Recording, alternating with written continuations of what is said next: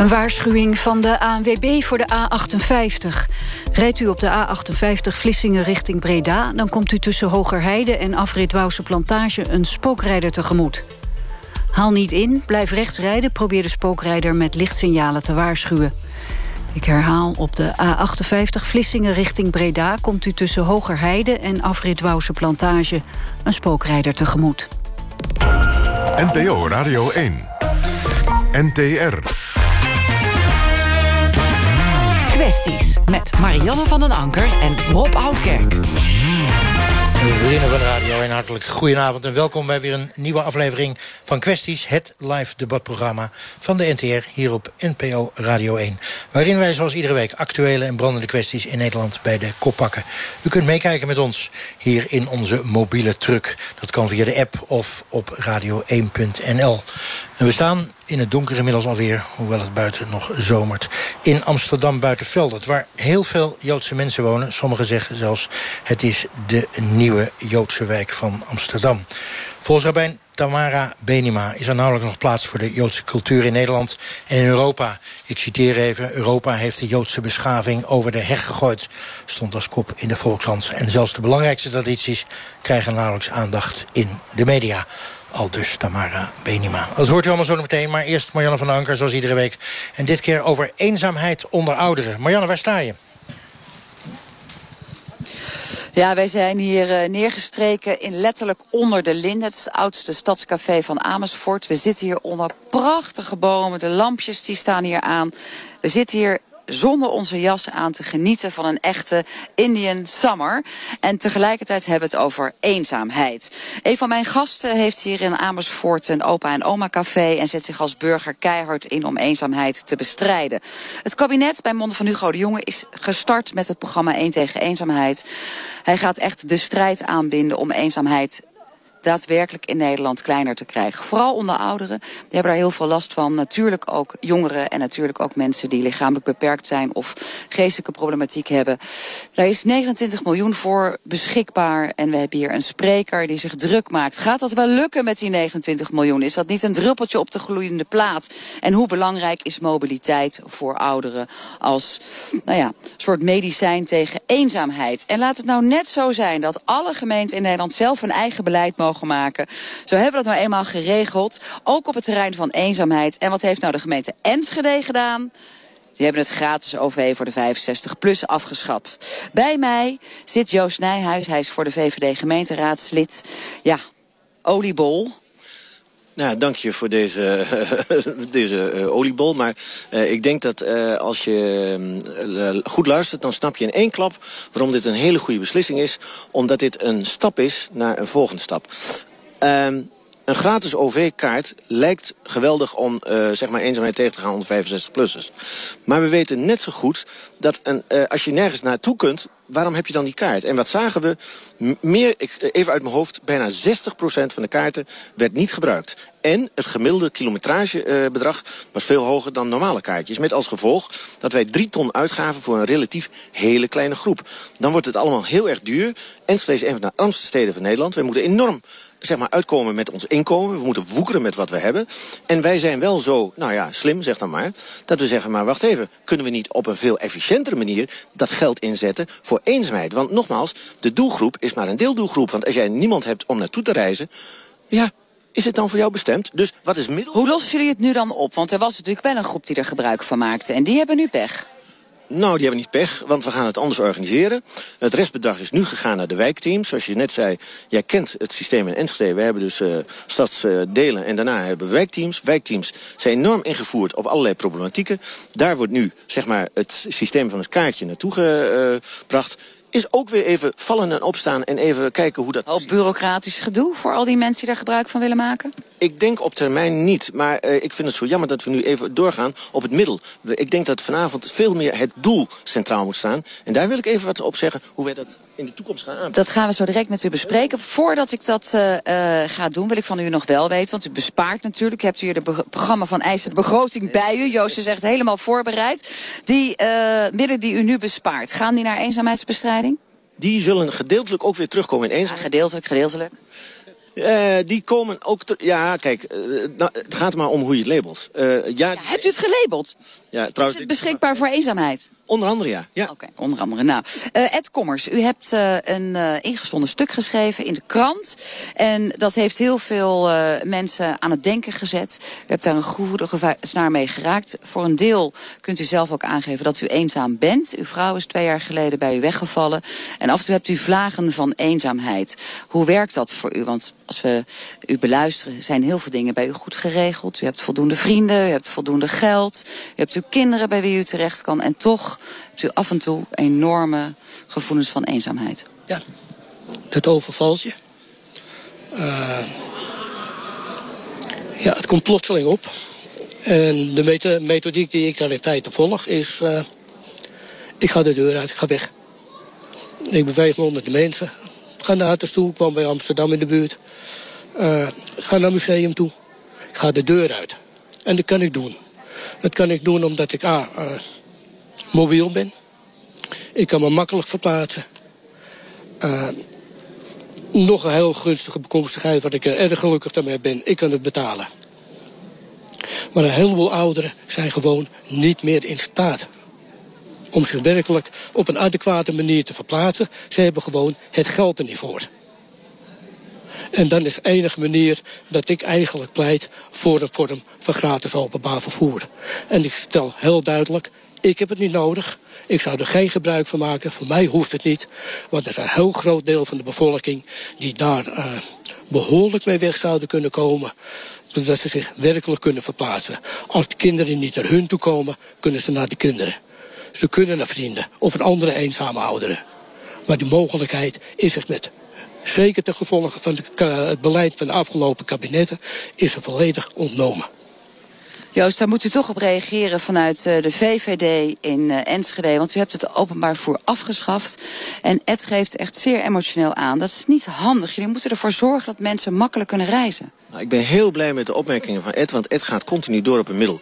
En het leuke is dat Ed zegt van ja, dan kunnen ze er niet meer naartoe, want de mobiliteit is beperkt. Nou weten we, als we het even bij ouderen houden, of gewoon we weten dat uh, eenzaamheid bij veel meer groepen voor, voorkomt, dat uh, ouderen sowieso, in, naarmate ze ouder worden, vaker alweer beperkt zijn. Dus je zou zeggen, ja, OV moeten we dan doen. Wat hebben we nou in Enschede gedaan? En daar was dit programma van eisen voor. We hebben vorig jaar een, een uh, uh, en daarom zei u ook van VVD, nee. Het leuke van uh, de raad in Enschede is, is dat we heel erg breed met elkaar samen strijden voor een beter Enschede. We hebben een ontmoetingscluster ge gemaakt. En wat hebben we gedaan? We hebben gezegd van, we moeten ze niet uit elkaar trekken, we moeten ze bij elkaar brengen. Sportclubs hebben op dit moment een afnemend aantal mensen, maar de faciliteiten zijn er overal. Dus wat we gedaan hebben, we hebben twaalf ontmoetingsclusters die op dit moment in de dop gaan beginnen. En daar zit alles in. En dat is een ontmoetingscentrum overal dichtbij. En er kan ook zonder OV kun je daar makkelijk terechtkomen. al wel. We hebben in de aanloop naar deze uitzending over eenzaamheid uh, gesproken met uh, Jeannette Rijk. Zij is al sinds 2000 bezig met onderzoek naar eenzaamheid. En die ontmoetingsplekken waar je dan kopjes koffie kunt drinken, daar zegt zij het volgende over als het gaat over een effectieve aanpak tegen eenzaamheid ja, dat is volstrekte onzin om te proberen eenzaamheid te bestrijden met kopjes koffie of bingo. Eenzaamheid is niets anders dan een signaal van je lichaam dat je tekort komt in verbondenheid. En dat betekent dus dat uh, iets ontbreekt in je relaties met anderen, in je patroon van relaties.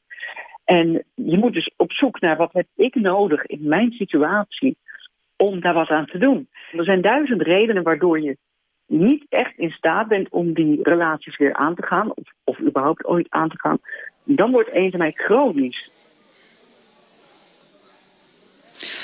Het Kommers, u uh, ervaart zelf uh, af en toe eenzaamheid bij vlagen. Koffie, ochtendjes, bingo, als je het Rijk zegt het heeft geen zin. Hoe kijkt u daar tegenaan? Ik denk dat het wel zin heeft. Uh, als ik zo naar door het dorpje waar ik dan woon, bij, bij Almere, loop. En als ik zie hoe druk het bezocht is, uh, dan vervult het wel degelijk een rol. Uh, wat mevrouw ook noemt, dat is dat ze zegt van ja, het draagt niet bij aan het vinden van relaties. En de vraag is of dat het doel is. Wil men dat al? Is men wel uit op een relatie? Of ik zegt los misschien, die misschien krijg je er geen relatie uh, door, maar het helpt in ieder geval wel even om de dag te breken en andere mensen te ontmoeten. Het is een mogelijkheid, toch? Joke Metselaar, uh, we zijn in uw stad onder uw prachtige lindenbomen. Joke Metselaar, u organiseert als betrokken bewoner allerlei bijeenkomsten hier in de stad. Onder andere het Open Café. Hoe kijkt u aan tegen deze bijeenkomsten? Kopjes koffie drinken, bingo, kleine activiteitjes?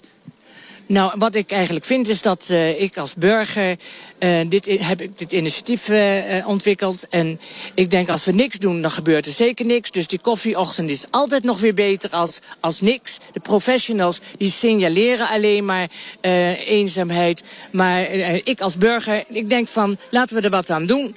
En de mensen die ik spreek en uitnodig en ik heb geflyerd. En de mensen die ik persoonlijk heb gesproken, die komen bijna allemaal ook. En dus ik heb zelf het gevoel dat dat best wel uh, uh, een, in, in, in iets voor, voorziet. Ik denk, uh, um, ja.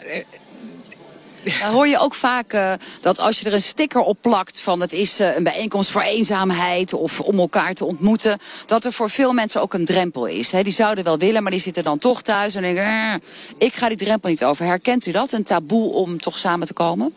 Uh, ja, ik, uh, ik heb dat ook van wel van dames gehoord. Die uh, eerst een paar keer er langs zijn gelopen voordat ze binnen durfden komen. En toen, ik heb ze op een marktje, wat bij ons voor de kerk werd gehouden, ook aangesproken. En die mensen die zijn daarna wel gekomen. Die mensen die persoonlijk een flyertje in de hand heb geduwd. En heb gezegd van, ik ben daar gastvrouw, u kent vast een gezicht. Kom binnen, want het is bij ons echt gezellig. En het is dicht bij het winkelcentrum. Dus de mensen gaan alleen een boodschap doen. En, en voordat ze weer naar huis gaan, kom eens even bij ons een kopje koffie drinken. En dat is toch alleen maar geweldig. Nou, hebben we weer de wetenschap gevraagd. Bij dezelfde, bij monden van dezelfde Jeannette Rijks, die al jarenlang onderzoek doet. En de wetenschap vindt weer heel wat anders. Want u zegt, nou, we zetten ze bij elkaar en het heeft wel degelijk zin. Het Kommers geeft ook aan, nou, het helpt in ieder geval om de dag eventjes te doorbreken. Maar Jeannette Rijks zegt het volgende over het bij elkaar zetten van eenzame ouderen. Eenzame mensen bij elkaar zetten heeft alleen maar het effect dat... Uh ze nog meer geconfronteerd worden met het feit dat ze blijkbaar niet in staat zijn hun eigen eenzaamheid op te lossen. Dus eenzaamheid is ook iets waarbij je hulp nodig hebt van iemand die verstand van zaken heeft en die weet hoe hij jou daaruit kan krijgen. En dat is niet een proces van jaren, dat valt ontzettend mee. Maar je moet het wel doen. Ed Kommers, um, het werkt niet omdat je dan geconfronteerd wordt met andere mensen die eenzaam zijn. Hoe kijkt u daar tegenaan? Uh, daar heeft u deels gelijk in. Uh, je wordt geconfronteerd met mensen inderdaad die alleen eenzaam zijn. Maar uh, ja, er bestaat nog niet zoiets als eenzame verlof. Dat iemand op kan nemen om aan zo'n bijeenkomst deel te nemen. Men werkt. Uh, de groep is beperkt. Jeannette Rijks, u hebt haar al eh, twee keer eerder gehoord. We gaan nog voor een laatste keer naar haar luisteren. Zij heeft ook een indeling gemaakt over verschillende soorten eenzamen. Luistert u mee? Als je wat langer last hebt van eenzaamheid, en dan moet je denken aan, inderdaad, als het een maand of negen tot een jaar heeft geduurd, dan ben je veranderd. En dan ben je een soort van slechte versie van jezelf geworden. En ik noem dat wel eens een beetje, je bent eh, de zombie-versie van jezelf. En dan krijg je wat ik dan noem klagers, klampers en kluizenaars. En, en iedereen weet wel wat dat is. Hè? Een kluizenaar ja, dat is iemand die, die laat zich helemaal niet zien. Die voelt zich misschien eenzaam, maar dat gaat de wereld niet weten, want die zit in zijn huis. En dat van die mensen die, die klampen zich vast. Eh, als je dan op bezoek komt, dan nou wil je nog niet weg en ik heb koffie voor je en ik heb nog een keer koffie en nog een keer taart. Die laten je niet los. Ja, en, en de klagers, die kennen we ook. Dat zijn mensen, daar kan je het nooit voor goed doen. Die blijven alleen maar klagen. Dus je wordt door eenzaamheid gewoon minder leuk. We hebben een mentaal probleem. En dan ook nog drie indelingen. Klampers, klagers en kluizenaars. Uh, Joost, jullie gaan in Enschede uh, die ontmoetingsplekken creëren. Denken jullie daadwerkelijk dat dat een bijdrage gaat leveren aan het oplossen van eenzaamheid? Nou, laat ik beginnen met het feit dat uh, mevrouw blijkbaar academica is. maar dit soort omschrijvingen draagt niet bij, want ik vind ze vrij negatief. Ik ben een enorm positief ingesteld mens. En ik zeg van, je wordt juist zo sterk door de inverse te benaderen. En dat is hoe maak ik van oogschijnlijke zwaktes sterktes en oogschijnlijke bedreigingen en kansen. En als je klagers, kluisteraars en dit soort uh, etiketten plakt, dan ben je met een negatieve spiraal bezig. En ik vind dus dat je veel positief moet staan. Nou zegt zij vanuit de wetenschap, het is ook echt een mentaal probleem. En we benaderen het anders en verkeerd. Want we drinken koffie en we gaan mensen bij elkaar zitten. Dat werkt allemaal niet. Het is een mentaal probleem. Herkent u dat? Want u bent tenslotte politicus. U moet beleid gaan maken. Nou, eh, kijk, ik, ik redeneer vanuit mijn referentiekader en mijn omgeving. En ik kom uit Twente en Twente heeft nog altijd een hele groot saamhorigheidsgevoel. Dat noemen wij noberschap. Als ik nu kijk naar de ontwikkelingen in de stad, en dat vind ik heel mooi. We hebben natuurlijk decennia lang een beweging gehad dat we heel veel segregatie hadden. Ouderen moesten allemaal bij elkaar worden gestopt. Jongeren werden bij elkaar We hebben natuurlijk een universiteitsstad. En wat zien we nu? De stadscampus, die in het oude ziekenhuis wordt vormgegeven... die gaat niet alleen naar de studenten.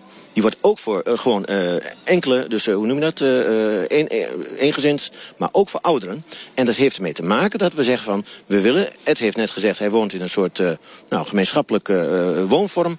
Nou, eigenlijk zijn dorpjes in Twente precies dat. En wij willen dat graag terugbrengen, omdat die noberschap verbindt. Dat is Misschien wel de beste maatregel die er is, community zin en nabuurschap. Het Kommers, um, mentaal probleem, eenzaamheid. U hebt het bij Vlagen sinds twee jaar, sinds uw vrouw is overleden. Is het een mentaal probleem? Uh, deels wel.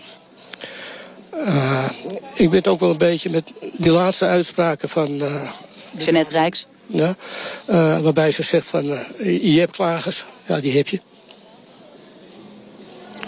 Uh, wat had ze nog meer? Wat doe je? Ja, en, klampers die zeggen, oh, nog een kopje koffie, ga alsjeblieft niet weg. En de kluisenaars die dus door die eenzaamheid zichzelf opsluiten in een hol. Ja, nou, dat zal een heel moeilijk, de laatste zal een heel moeilijk te bereiken groep zijn. Uh, ja, de klampers inderdaad, die komen voor. Zegt u, komt u ze wel eens tegen en wat, wat moet je daar dan tegen zeggen? Ik denk dat dat moeilijk is. Uh, men klampt omdat men niks anders heeft. Uh, misschien kan men niet weg. Ook hier weer het stuk mobiliteit. En men begint te claimen. En daarmee omgaan, dat is vreselijk moeilijk. Ik zou een bedrag krijgen. Ja. Joke Metselaar, jij hebt uh, hier dat initiatief opgestart in Amersfoort. Je bent gewoon een betrokken burger die wat doet. Je zegt, iemand wat doet, dan doe ik in ieder geval iets. Uh, wordt u ondersteund door de gemeente? Want de wethouders en de uh, burgemeesters ter plekke... dat zijn degenen die verantwoordelijk zijn voor die aanpak van eenzaamheid. Ik word niet, uh, daar merk ik niks van. En het is wel zo dat de gemeente, de in de buurt, heeft gesubsidieerd. Dat, dat, is dus een, dat zijn buurtwerkers. En ook uh, de buurtwerkers uh, hebben niet aan mij gevraagd van... joh, gaat het allemaal? Heb je hulp nodig? Of zo. Dat is wel een, een gemiste kans. Want daar had ik me wel prettiger bij gevoeld en meer gesteund. U gaat gewoon door? Ik ga gewoon door. Zolang er mensen komen, ga ik gewoon door.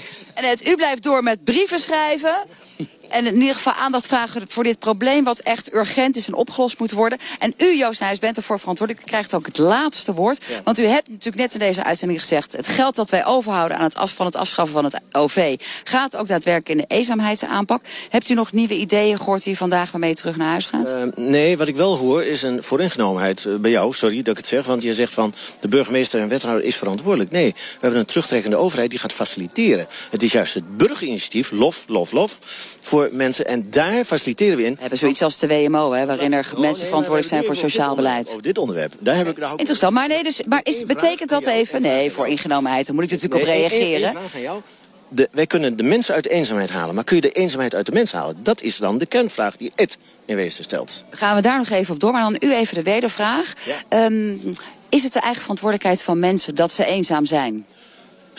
Voor sommigen wel, maar niet voor iedereen natuurlijk. Want je had het net over geestelijke... Hè, laat wel wezen, als je net je vrouw verliest... dan zit je wel in een dal, in een heel diep dal. Dat begrijp ik als geen ander. Dus dan moet je inderdaad een omgeving hebben... die de mensen daarmee eruit trekt. Maar er zijn ook mensen die daarvoor kiezen. Die kluizenaars, ja, op, tot op zekere hoogte. Maar als het een geestelijke ding betreft, ja, dan kan het niet anders. Is het op te lossen, Ed? Laatste korte reactie van jou. Denk je niet. Joke, oplosbaar eenzaamheid? Ik denk dat de overheid een heleboel kan doen. En uh, als, de, als er een minister zou komen voor vergrijzing en, uh, en senioren... en een wethouder hier in Amersfoort die met die portefeuille zou werken... zou dat heel helpend zijn. Voor de rest zou ik veel meer informatie willen hebben voor de ouderen... met name uh, in de buurt aan huis-aan-huiskranten... En, en bijvoorbeeld een, een servicepunt voor ouderen speciaal. Dat zijn allemaal ideeën die hier of in uitvoering zijn of nog worden uitgevoerd. Heel duidelijk verhaal, dank jullie wel. Van onder de linden, letterlijk en figuurlijk, verlaten wij Amersfoort en treden wij terug naar Amsterdam. In Buitenveldert, dankjewel uh, Marianne. Er is nauwelijks plaats meer voor de Joodse gemeenschap in Nederland en in Europa. Tamara Benima is columnist, journalist, maar ook rabbijn... en zegt in de Volkskrant op 5 oktober... er is geen perspectief. Felle woorden. Boos? Nee, nee, ik, ga, ik wil eerst iets rechtzetten. Ik zeg niet dat er voor Joden geen plek is. Ik zeg dat er voor het Jodendom geen plek is. Dus de, we, zijn, zijn erfgenaam van een beschaving van 3.500 jaar. En voor dat Jodendom als beschaving is geen plek. Dus wat, is dat, altijd wat, Joden... is, wat is dat Jodendom? Nou, Jodendom is een beschaving, wat ik zeg. Van, en dat heeft dus een cultuur van 3.500 jaar... die inzichten heeft over alle aspecten van leven en dood. En daar echt gewoon wijsheid over heeft ontwikkeld. En je kunt het over alles hebben. Je kunt het over MeToo hebben, over orgaandonatie... of over kroongetuigen, of over burn-out. Of noem het maar op. Echtscheiding, uh, de seksualiteit van vrouwen. Vrouwen hebben recht op een bevredigend seksueel leven. Gewoon altijd. Dus bedoel, je kunt het over alles hebben... Maar ja, daar is gewoon geen, geen aandacht meer voor, geen plek meer voor, geen, geen, geen interesse meer voor. Ja, er is wel nog een interesse, maar niet in de publieke ruimte. Niet bij de journalisten, niet bij de opiniemakers. Oké, dat is duidelijke stellingname. Nou heeft u een boek geschreven. Joodse dan dit krijg je het niet. Leuk boek, hè? Ik lag vanmiddag in de zon en las het. En op zoek naar de Joodse identiteit, hoor. Zo heb ik het gelezen. Bak een chocoladetaart die door iedereen kan worden gegeten. Zeg je op bladzijde 38 van dat boek. Uh, en dan zeg je op het eerste gezicht is die opdracht duidelijk genoeg. Hè? Nederlandse zin zit grammaticaal goed in elkaar. En je kan het begrijpen. Maar als je die opdracht wil gaan uitvoeren... dan dient de ene vraag naar de andere zich aan. Dan heb je vijf bladzijden met vragen die Joden elkaar en zichzelf stellen. En dan eindig je met, als u ooit wilde weten wat het is om Joods te zijn... Joods, dan dit krijgen het niet. Leg dat nou eens uit. Leg dat nou eens uit. Oké, wij zijn een cultuur die um, ehm, 613 categorieën met opdrachten gekregen hebben. De een zegt van de eeuwige, de ander zegt van het is in de Joodse traditie, Joodse geschiedenis zo ontstaan. En als je naar het Oude Testament kijkt, dan denk je in eerste instantie heel vaak van, nou, dat is toch duidelijk, je mag niet werken op, uh, op, op de zevende dag, op Shabbat. Maar als je dan gaat nadenken, gaat kijken, dan is het helemaal niet duidelijk en dan heb je een hele grote groep mensen nodig die daar iets over gaan vinden. En om duidelijk te maken wat ik bedoelde, heb ik zelf zo'n opdracht verzonnen. Van verzonnen van de chocoladetaart. En dan is het van, oké, je moet een chocoladetaart bakken. Hoe groot moet die zijn? Hoe, hoe, hoe dik moet die zijn? Moet je hem elke, eh, hoe vaak moet je hem doen? Moet de koning het ook doen? Moet, uh, nou ja, goed, je kunt duizend vragen stellen. En dat is dus wat Jodendom doet. en we zijn dus gewoon zo ontzettend goed geworden in een aantal vakken. Omdat wij gewoon van het begin af aan heel goed onze opdrachten willen uitvoeren. Maar en ja, vragen stellen. Maar, maar God heeft dat gewoon, of God of whoever... heeft dat een beetje met een aardappel in de mond uh, Maar is, is, dat, is dat nou typisch Joods... dat honderden vragen stellen over een ogenschijnlijk eenvoudig onderwerp? Ja, dat is echt Jood. Ik kan echt, als, als je dat wilt als je echt wil weten waar, waar, waar we mee bezig zijn, dan denk je van. Um, en en uh, Rabijn Jacobs kan dat bevestigen, maar Chantal ook. Van ja, je denkt van oh, hoe zit euthanasie eigenlijk in elkaar? Dan kom je op het leven en wat je, je taak is. En, en, en, wanneer mag je nou mag je iemand zijn, zijn, zijn kussen wel opschudden? Want nee, hij zou nog wel eens een seconde eerder kunnen sterven dan de, de bedoeling zou zijn geweest. Nou ja, dat is wat we doen. En dat is hartstikke leuk, maar je moet er wel tegen kunnen en dat natuurlijk. is de Joodse cultuur en identiteit. Althans, uh, nou ja. jou. Nou, ik nee, kom nee, zo, maar nee, dat betekent dus, nee, nee, dat betekent dus dat je gewoon als je echt gewoon een onderwerp hebt. Het kan niet schelen of het nou fietsen is... Nee, maar dat is duidelijk. het aantrekken van schoenen... dat je joden er over iets over te melden hebben. Die babbelen wel door. Uh, Chantal uh, Suisse Runne, uh, je bent uh, sociaal ondernemer, adviseur. Je verbindt volgens mij, dan ben je succesvol... in allerlei groepen in de samenleving aan elkaar. eens, is dat de Joodse cultuur? Dat is wel een heel belangrijk element van de Joodse cultuur. Hè, naast... Studie is een belangrijk element van de Joodse cultuur. En uh, wat ik altijd heel mooi vind is, uh, zoals het in de Talmud staat... wie is wijs? Hij die van is, iedereen. De Talmud is, de Talmud is de uh, mondelinge Joodse leer. wie is opgeschreven, dat dan weer wel. Wie is wijs? Hij die van iedereen leert. En hoe leer je van iedereen? Nou, door iedereen dus het hem van het lijf te vragen. Dus ik begrijp best wel dat mensen Joden irritant vinden. Maar we zijn er wel een heel eind mee gekomen. En mijn vriendin is namelijk ook niet Joods. Die wordt soms helemaal knettergek van de honderden vragen die ik stel. Even voor de duidelijkheid. Ik ben heel Maar nu ga je haar mijn boek laten lezen. Laat je zien hoe leuk dat ik heb, is. Ik heb er al iets voor gelezen vanmiddag. Maak je geen zorgen. Uh, wij horen in Nederland in ieder geval heel vaak politici het volgende zeggen. Des te meer ben ik onze vrijheid gaan waarderen. De joods-christelijke wortels van ons land. Ik vind dat zeer verontrustend. Het staat op gespannen voet met onze joods-christelijke traditie hier in Nederland. Dit land staat voor bepaalde vrijheden, bepaalde normen en waarden. Normen en waarden. Normen en waarden. Heel eerlijk, dat zijn in Nederland oorspronkelijk joods-christelijke en humanistische... maar de basis joods-christelijke waarden. En die wil ik voor geen millimeter kwijtraken. Voor de mensen die aan stemherkenning doen... dat was Buma van het CDA, de laatste. Het is even na half negen en ik vraag het maar aan Chantal. Um, zijn wij een joods-christelijk land? Nou, ik vind het echt fantastisch dat iedereen dat steeds roept. Maar heel eerlijk, ik vraag me dan af of we daar tussen 40 en 45 soms pauze van hadden. En ik vind het ook heel interessant dat ik nog nooit iets heb gehoord over joods-christelijke cultuur. voordat mensen uh, issues kregen met moslims. Dus, dus geluid? Nou, ik heb het gevoel dat het ook wel wordt gebruikt om vooral te laten zien wat we dan niet zijn. in plaats van wat we wel zijn. Want uh, als we zo'n joods-christelijke cultuur zijn, is het toch bijzonder dat hè, met waardering voor wat het Koningshuis verder wel goed doet. De abdicatie van uh, inmiddels prinses, toen koningin Beatrix... was op de allerheiligste dag van het Joodse jaar. Op Yom Kippur. En als je echt vindt dat je een Joods-christelijke cultuur hebt als land... dan doe je dat niet op Yom Kippur. Schande? Ja, Eigenlijk wel. En uh, uh, wel mea culpa achteraf gekomen. Maar, uh, en prima hoor. En hè, koning Willem-Alexander doet inmiddels hele prima dingen... ook voor de Joodse gemeenschap.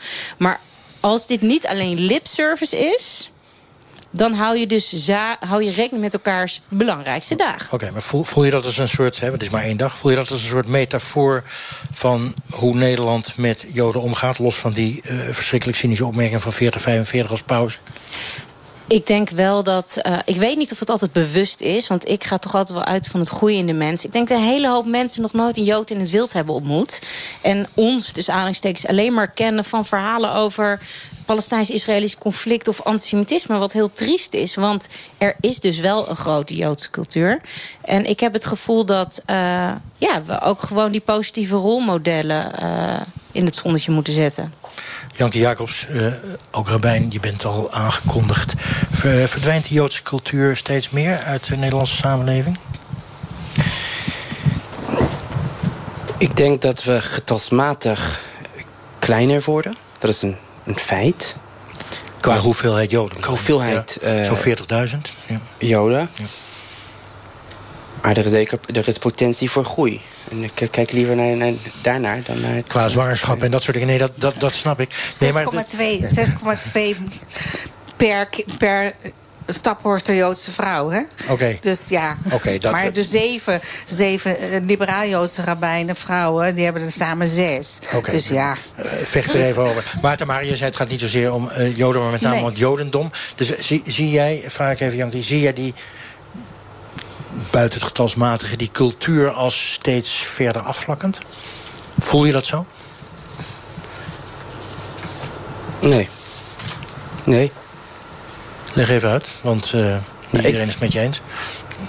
In Nederland, hè? In Nederland. In Groningen en in Friesland en in Drenthe en in Overijssel en in Brabant nou, en in Limburg. Nou, ik denk, getalsmatig worden, we zijn minder Joden. Dus automatisch is er ook minder aandacht in de media... voor de positieve dingen die u benoemt in uh, uw artikel. Uh, en is er helaas alleen maar, of veel aandacht voor uh, negatieve aspecten... zoals antisemitisme. Maar ik denk dat dat een automatisch resultaat is van het feit... dat we kleiner worden. Dat is, een, een, dat is de realiteit.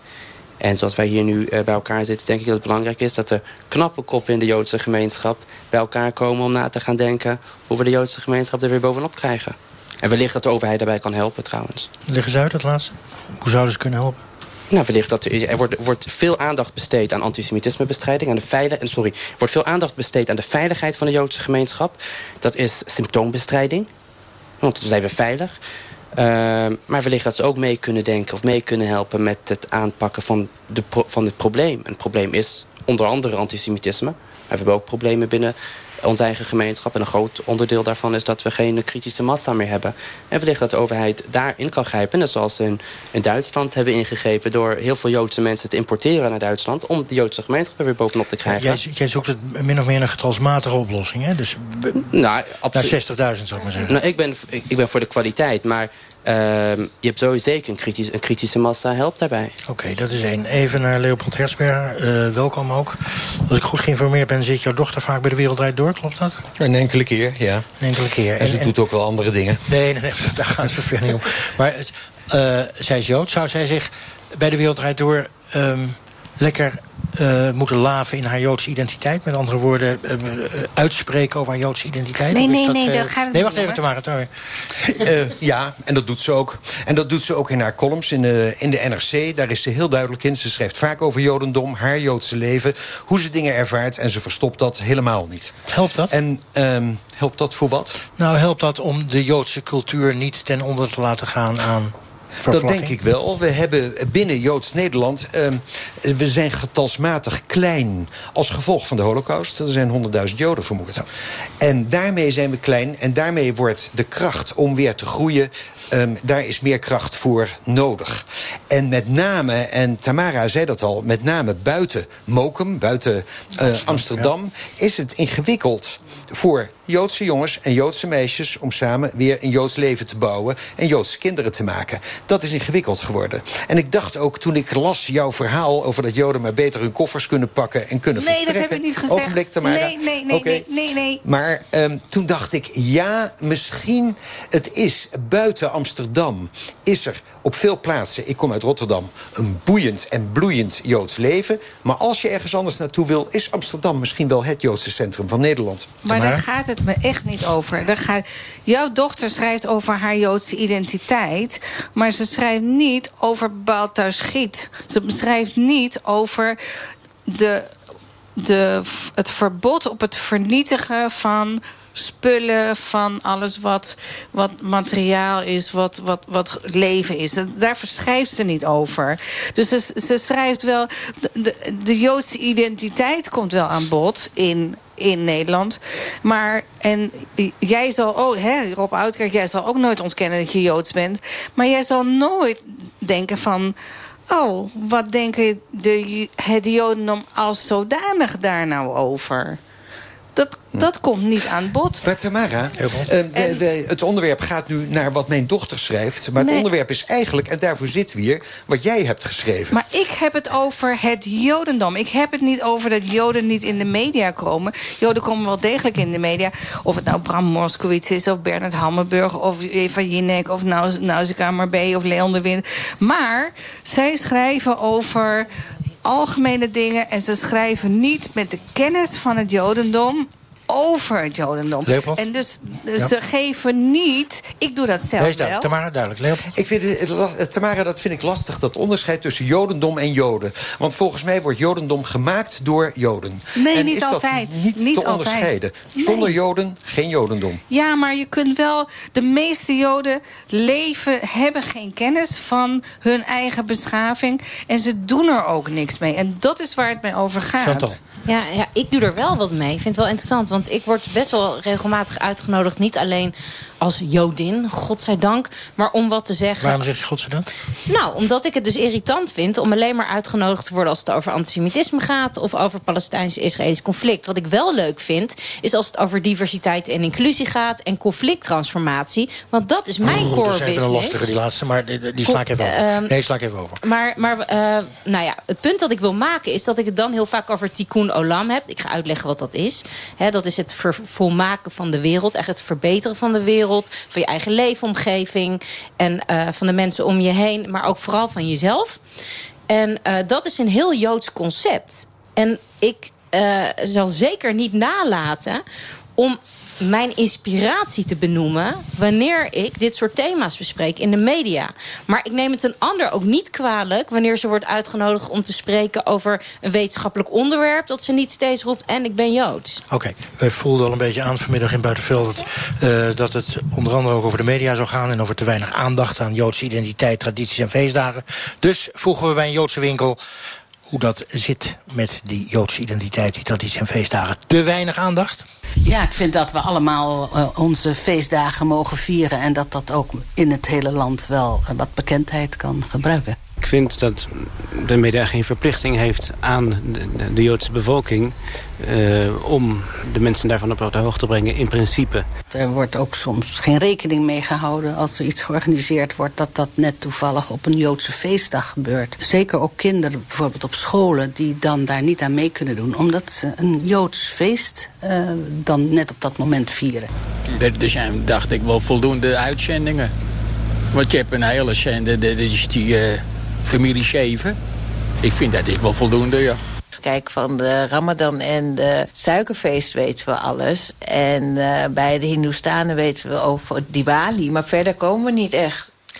Rabijn Tamara Benima, uh, moeten Joden op televisie het vaker over hun identiteit hebben? Over hun feestdagen, over hun cultuur?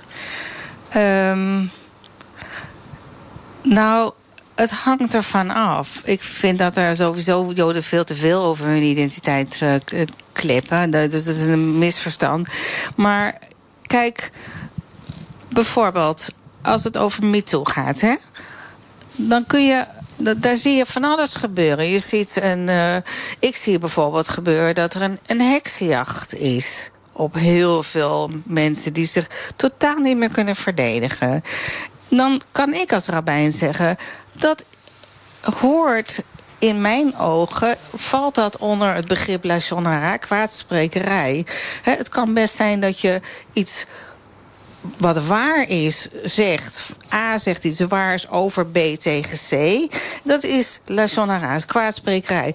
En wat je dan bij Ford en Kavanaugh bijvoorbeeld ziet... is dat ik dan vanuit de Joodse traditie van alles over kan melden... wat relevant is. Dus ik hoef echt niet van iedereen te horen... ik ben Joods en mijn familie is vermoord en tut en met tut. Ja, weet dat je. heb je wel al gehoord inmiddels. Ja, ik neem even, het is duidelijk dat je dat wel gehoord hebt... omdat je zegt, hé, hey, ik heb iets interessants bij te dragen... Ja. vanuit mijn Joodse traditie vanuit mijn Joodse kennis, vanuit mijn inzicht. En ja, misschien of... kan ik bij MeToo of bij euthanasie of andere dingen... kan ik een klein steentje bijdragen. Dat ja. is het, Leopold. Dat klinkt Tamara, niet onzinnig. Ik vind dat je fantastisch werk hebt gedaan met jouw verhaal in de Volkskrant.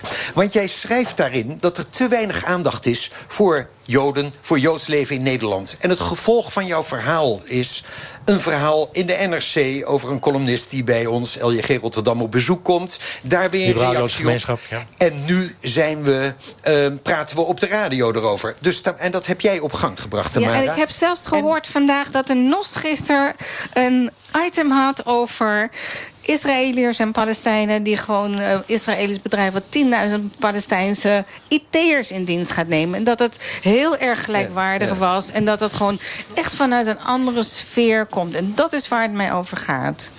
Dank je, Jacobs. Even, even, jij komt net van een bad mitzwa, hè? Een, een, een, meisje wat 12 jaar Joods meerderjarig is geworden. Um, Neem, neem, het is tien over half negen, ruim twaalf over half negen. U luistert naar kwesties. We hebben het over Joodse identiteit, cultuur, over het verloren gaan daarvan. Wat je nou net beleefd hebt, daar, zonder persoonlijk te worden. Zou, zou je daar iets van kunnen vertellen? Van je zegt, ja, dat, dat draagt bij aan dat we er met z'n allen wat wijzer van worden. Ik denk dat het gemeenschapsgevoel uh, ontzettend belangrijke rol kan spelen in de algehele samenleving in Nederland. Het feit dat er hier 300 mensen bij elkaar komen... Uh, kinderen uit dezelfde klas, ouders die allemaal dezelfde... grotendeels bij elkaar in de klas gezeten hebben... die komen samen, die vieren een, een, een simge, iets leuks, iets vrolijks samen.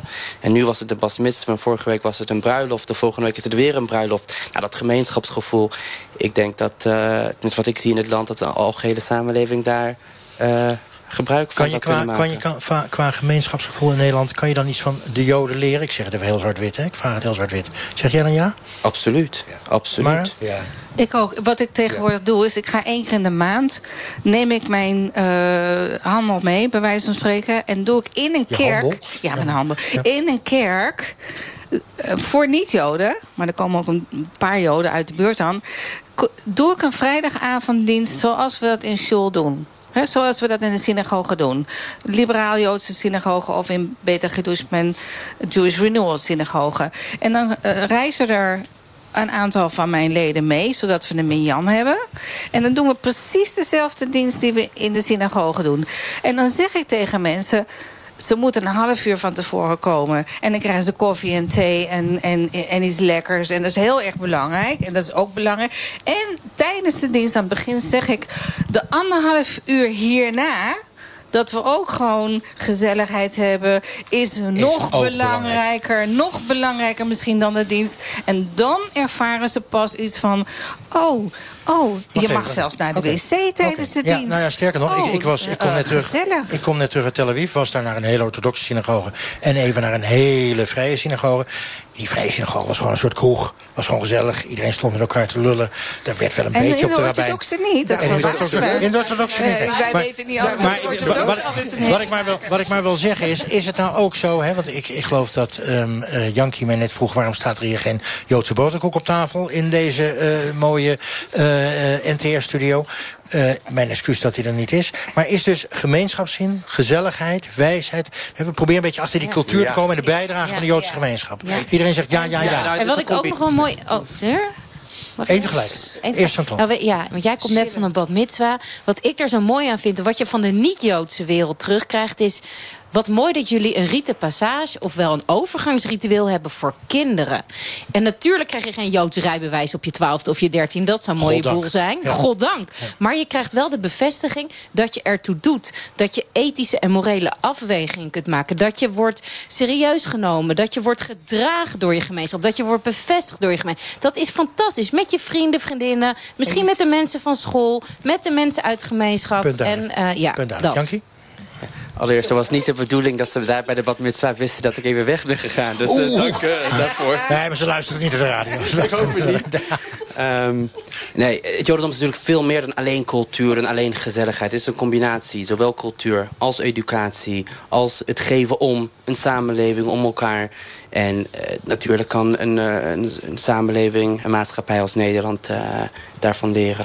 Wat- ik een ander- mag ik een ander Absoluut. voorbeeld De- geven? De literatuur, De literatuur, ja, komt er ook de bij. vragen die gesteld worden, de ethische normen die we hanteren... het gemeenschapsgevoel, het zingen in shul. Het is een reuze leuk jodendom.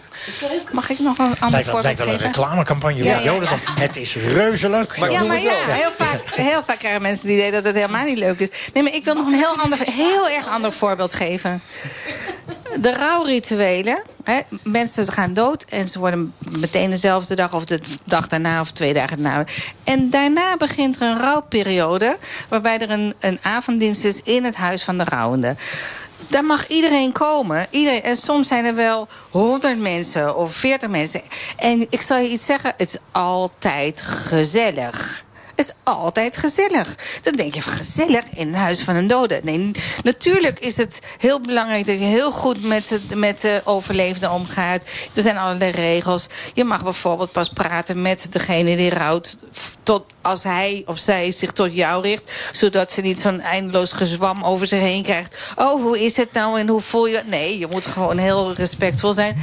Maar het feit dat je daar samen kan komen. En dat je dan zeven dagen. Hè, behalve Shabbat, echt eten meebrengt, elkaar tegenkomt. Hoe is het met jou? Dat is onwaarschijnlijk belangrijk. Voor die eenzaamheid die net gewoon genoemd is. En dat is hoe mensen gewoon terugkomen soms naar het Jodendom. Dus even samenvattend.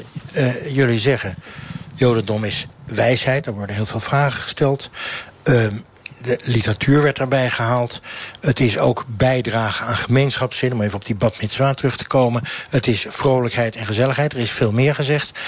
Ehm, waarom is er dan zoveel antisemitisme? Moet je aan de antisemieten Ja. vragen? Ja, maar die hebben we even vanavond niet in de truck Maar, uitgenodigd. eh, de- ja, moet je aan antisemieten vragen, maar het wordt nu aan mij gevraagd. Ehm, ik denk dat Nederland, in Nederland uh, er relatief weinig antisemitisme is. Er is al meer dan 2000 jaar antisemitisme. Dan komt direct de vraag... waarom worden dan jullie synagogen zo zwaar beveiligd enzovoort. Ja. Alles in Nederland wordt inmiddels zwaar beveiligd. Van grote bijeenkomsten, grote feesten, braderieën en burgemeesters. Ik kan je zeggen, je kan beter Jood zijn dan burgemeester in Nederland. Want wij hoeven niet onder te duiken. Um, het valt, het, het dreigingsniveau van de NCTV is het één naar hoogste. NCTV is Nationaal Coördinator Terrorisme en Veiligheid. Is het één naar hoogste. Dat geldt niet specifiek voor Joden. Dat geldt voor heel Nederland. Dus de dreiging die er is, is niet alleen gericht tegen Joden... maar speelt in heel Nederland. En de grote terroristische aanslagen die er zijn geweest... waren gericht niet specifiek okay. tegen Joden. Nou zaten, we, nou zaten we met elkaar te praten voor de uitzending... en uh, twee van jullie zeiden, drie van jullie zeiden... als het maar niet over antisemitisme gaat, gaan we ook niet doen. Maar we vroegen wel aan Lodi van den Kamp um, uh, iets over antisemitisme... een klein beetje, en over Joodse identiteit. Luister even mee. Voor veel delen van de Joodse gemeenschap is de strijd tegen antisemitisme ongeveer het enige restje jodendom wat nog overgebleven is voor hen. Als je niet religieus bent, je doet, zoals we dat zeggen, je doet er weinig aan. Maar je bent wel Jood en je wordt geconfronteerd met je eigen Jood zijn, ja. Dan hou je bezig met een strijd tegen antisemitisme. En dat krijgt een, toch wel, wat mij betreft, overdreven aandacht. En niet noodzakelijke aandacht. Leopold? Ja, ik ben het daar helemaal mee eens. Uh, er is te veel aandacht voor antisemitisme... en te weinig voor de positieve en leuke dingen... die het jodendom kan brengen. En um, ik kom nog even terug, Tamara, want je schudde heel hard nee... toen ik het had over aanslagen op Joden of uh, niet. Ik, ik heb als voorbereiding, uh, ik noem wat dingen... de Bataclan in Parijs, de Kerstmarkt in Berlijn... London Bridge, Ariana Grande in Birmingham... Brussel, Zaventem, allemaal niet-Joodse aanslagen. Ik ontken dat helemaal niet, maar je laat weg... dat het nogal moeilijk is om een aanslag te plegen... op een synagoge of op een Joods filmfestival omdat we allemaal gewoon beveiligd zijn. Maar als die beveiliging er niet zou zijn... dan geef ik je op een briefje dat we de rapengaar zouden zijn. En dat we de ene aanslag naar de andere zouden hebben. Ja, mijn kinderen gaan wel met heel veel plezier naar een Joodse school... die tot de tand toe beveiligd ja. is, omdat het noodzakelijk is. En dat is echt heel verdrietig, want als je kinderen van zes en negen hebt... en die moeten eerst langs zoveel koninklijke, zwaar bewapende marechaussee... dan is dat niet normaal. Dus ik vind wel dat er blijvende aandacht moet zijn voor onze veiligheid maar dat hoeft niet uit te sluiten. Integendeel, dat er ook aandacht is juist voor al die positieve dingen. Okay, dus dat kan naast elkaar okay, bestaan. Oké, okay, duidelijk. Ik, we stoppen even met dat negatieve. Ik wil het, die laatste zes minuten die we hebben... u luistert naar kwesties en we staan in het Amsterdamse buitenveld... en we hebben het over de Joodse cultuur... dat die eigenlijk heel erg leuk is. Um, maar nou even die toekomst. Uh, Tamara Benema, het is een vrij negatief stuk in de Volkskrant. Uh, er is geen perspectief. Um, Joden vragen zich altijd af, uh, moeten we al vluchten? Heb je er vertrouwen in eigenlijk in die toekomst hier? Nou, ik moet echt er iets bij zeggen. Dat stuk ging over de toekomst van kerk en synagogen in Europa. Hè? Dus, ik, dus mijn gaat het over van hoe... Wat kun je doen? Dat staat ook in dat stuk van hoe kun je het, de religieuze denk, ervaring, leefwijze weer nieuw leven inblazen? En aan jou hoe? En ik zei, ik zit met zwart te wachten op nieuwe bewustzijnsverruimende middelen en technieken waar je niet ziek van wordt. Want dat heeft namelijk in de 60er en de 70er jaren tot nieuwe boeddhisten, nieuwe hindoes en ook nieuwe joden geleid die gewoon dachten van oh, okay. oh, het is ook in mijn cultuur maar, te vinden. Okay. Komen we aan het eind van de uitzending erachter dat we van 40 naar 60.000 komen uh, met een hoop LSD en geestverruimende middelen? Dat denk ik wel, ja. ja? Dat denk ik wel. Een maar, lekkere conclusie zo op de late Nee, ja? maar waar het mij om gaat is dat je gewoon voor... Ik denk echt dat we...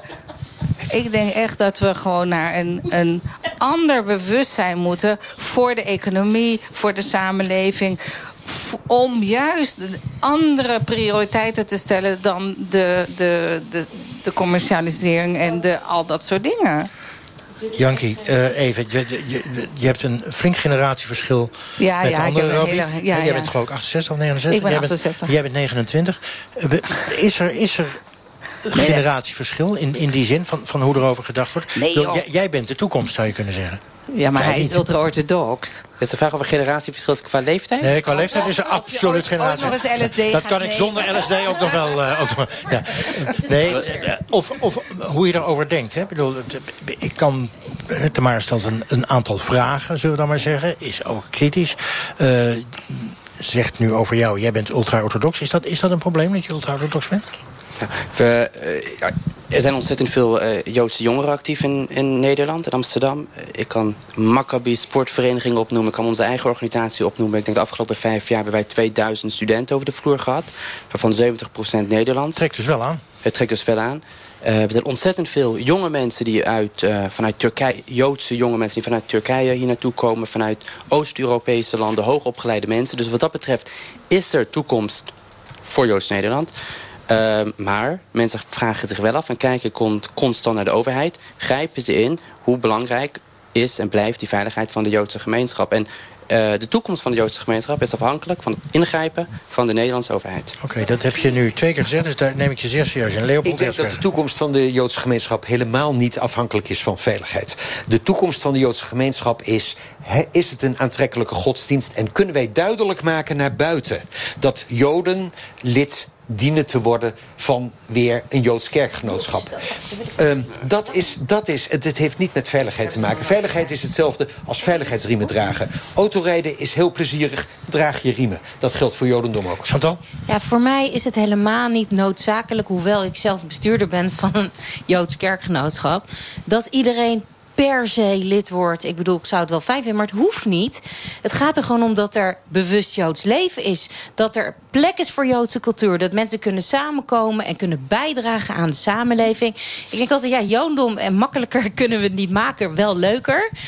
Volgende, recla volgende reclameslogan voor het Jodendom. Eh, zegt, het Jodendom is heel leuk. Jij zegt, leuker kunnen we het niet maken, makkelijker wel. Ja, nog een tegeltjeswijsheid. Tamara, moet jij niet nog een duit in het zakje doen?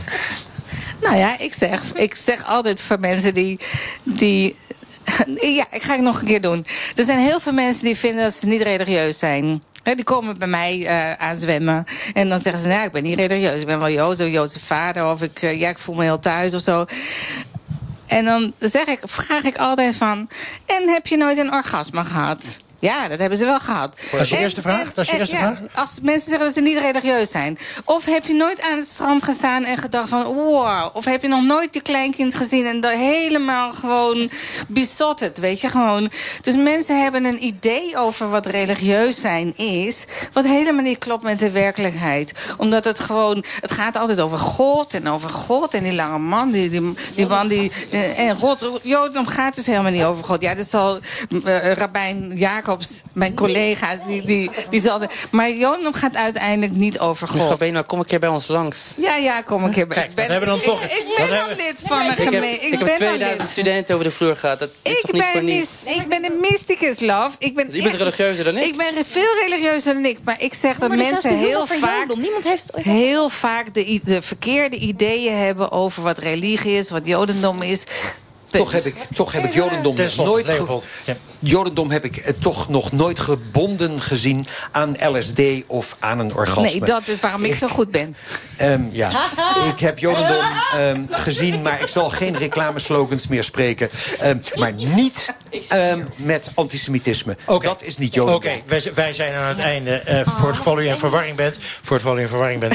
eh, het ging over de Joodse cultuur. En die heeft blijkbaar ook iets te maken met eh, orgasmes. Tot zover eh, deze uitzending van kwesties vanuit Amsterdam Buitenveldert. Zometeen Radio Doc gaat over iets heel anders. Namelijk over de jurk voor Hanna. En als u wil weten wat het is, dan moet u gewoon aan de radio gekluisterd blijven. En niet naar Boer Zoekt Vrouw kijken.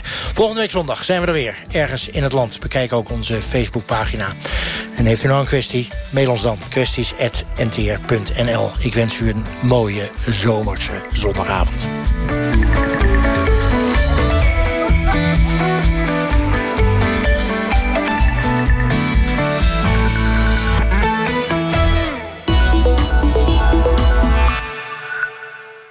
Heb je boeken nodig voor je werk of voor een opleiding? Bestel ze bij managementboek.nl. De specialist voor managers en professionals.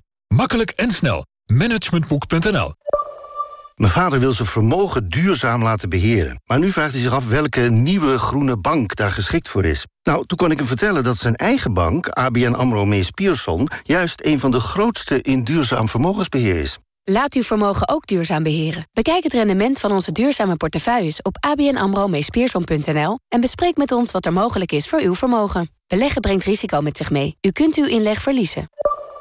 Stel, je zoekt een goedkope notaris. Dan kijk je natuurlijk niet op... ik zoek een notaris en het maakt me niet uit wat die kost.nl. Maar wel op de goedkoopste notaris.nl. Want daar kun je tot wel 300 euro besparen op een notaris in de buurt. Bespaar eens op de notaris. Ga naar degoedkoopstenotaris.nl. Al 15 jaar de notarisvergelijker. Select Windows komt met de vraag, hoe woon jij? Ik wilde een nieuwe deur passend bij mijn jaren 30 woning. Samen met de adviseur ontwierp ik mijn nieuwe voordeur. Met glas en lood en niet te onderscheiden van hout. Zo blij mee. Select Windows, omdat iedere woonwens anders is. Hoe woon jij? Kijk op selectwindows.nl. Wat is de kracht van relieken? Waarom worden ze gekoesterd en reizen mensen er duizenden kilometers voor? Kom naar Museum Katharijnenconvent en maak in deze unieke tentoonstelling kennis met dit fascinerende en eeuwenoude fenomeen. Nog tot 3 februari te zien. Goedenavond. Maak er een mooie dag van. En sluit vandaag nog de ANWB Veilig Rijden Autoverzekering af. Dan belonen we een veilige rijstijl met een lagere premie. En bij een botsing of andere autoschade weet je zeker dat je goed wordt geholpen. Voor de prijs hoef je het niet te laten, want onze veilig rijden autoverzekering is nu het eerste jaar met 15% korting extra voordelig. Bereken je premie op aanwb.nl/slash autoverzekering. NPO Radio 1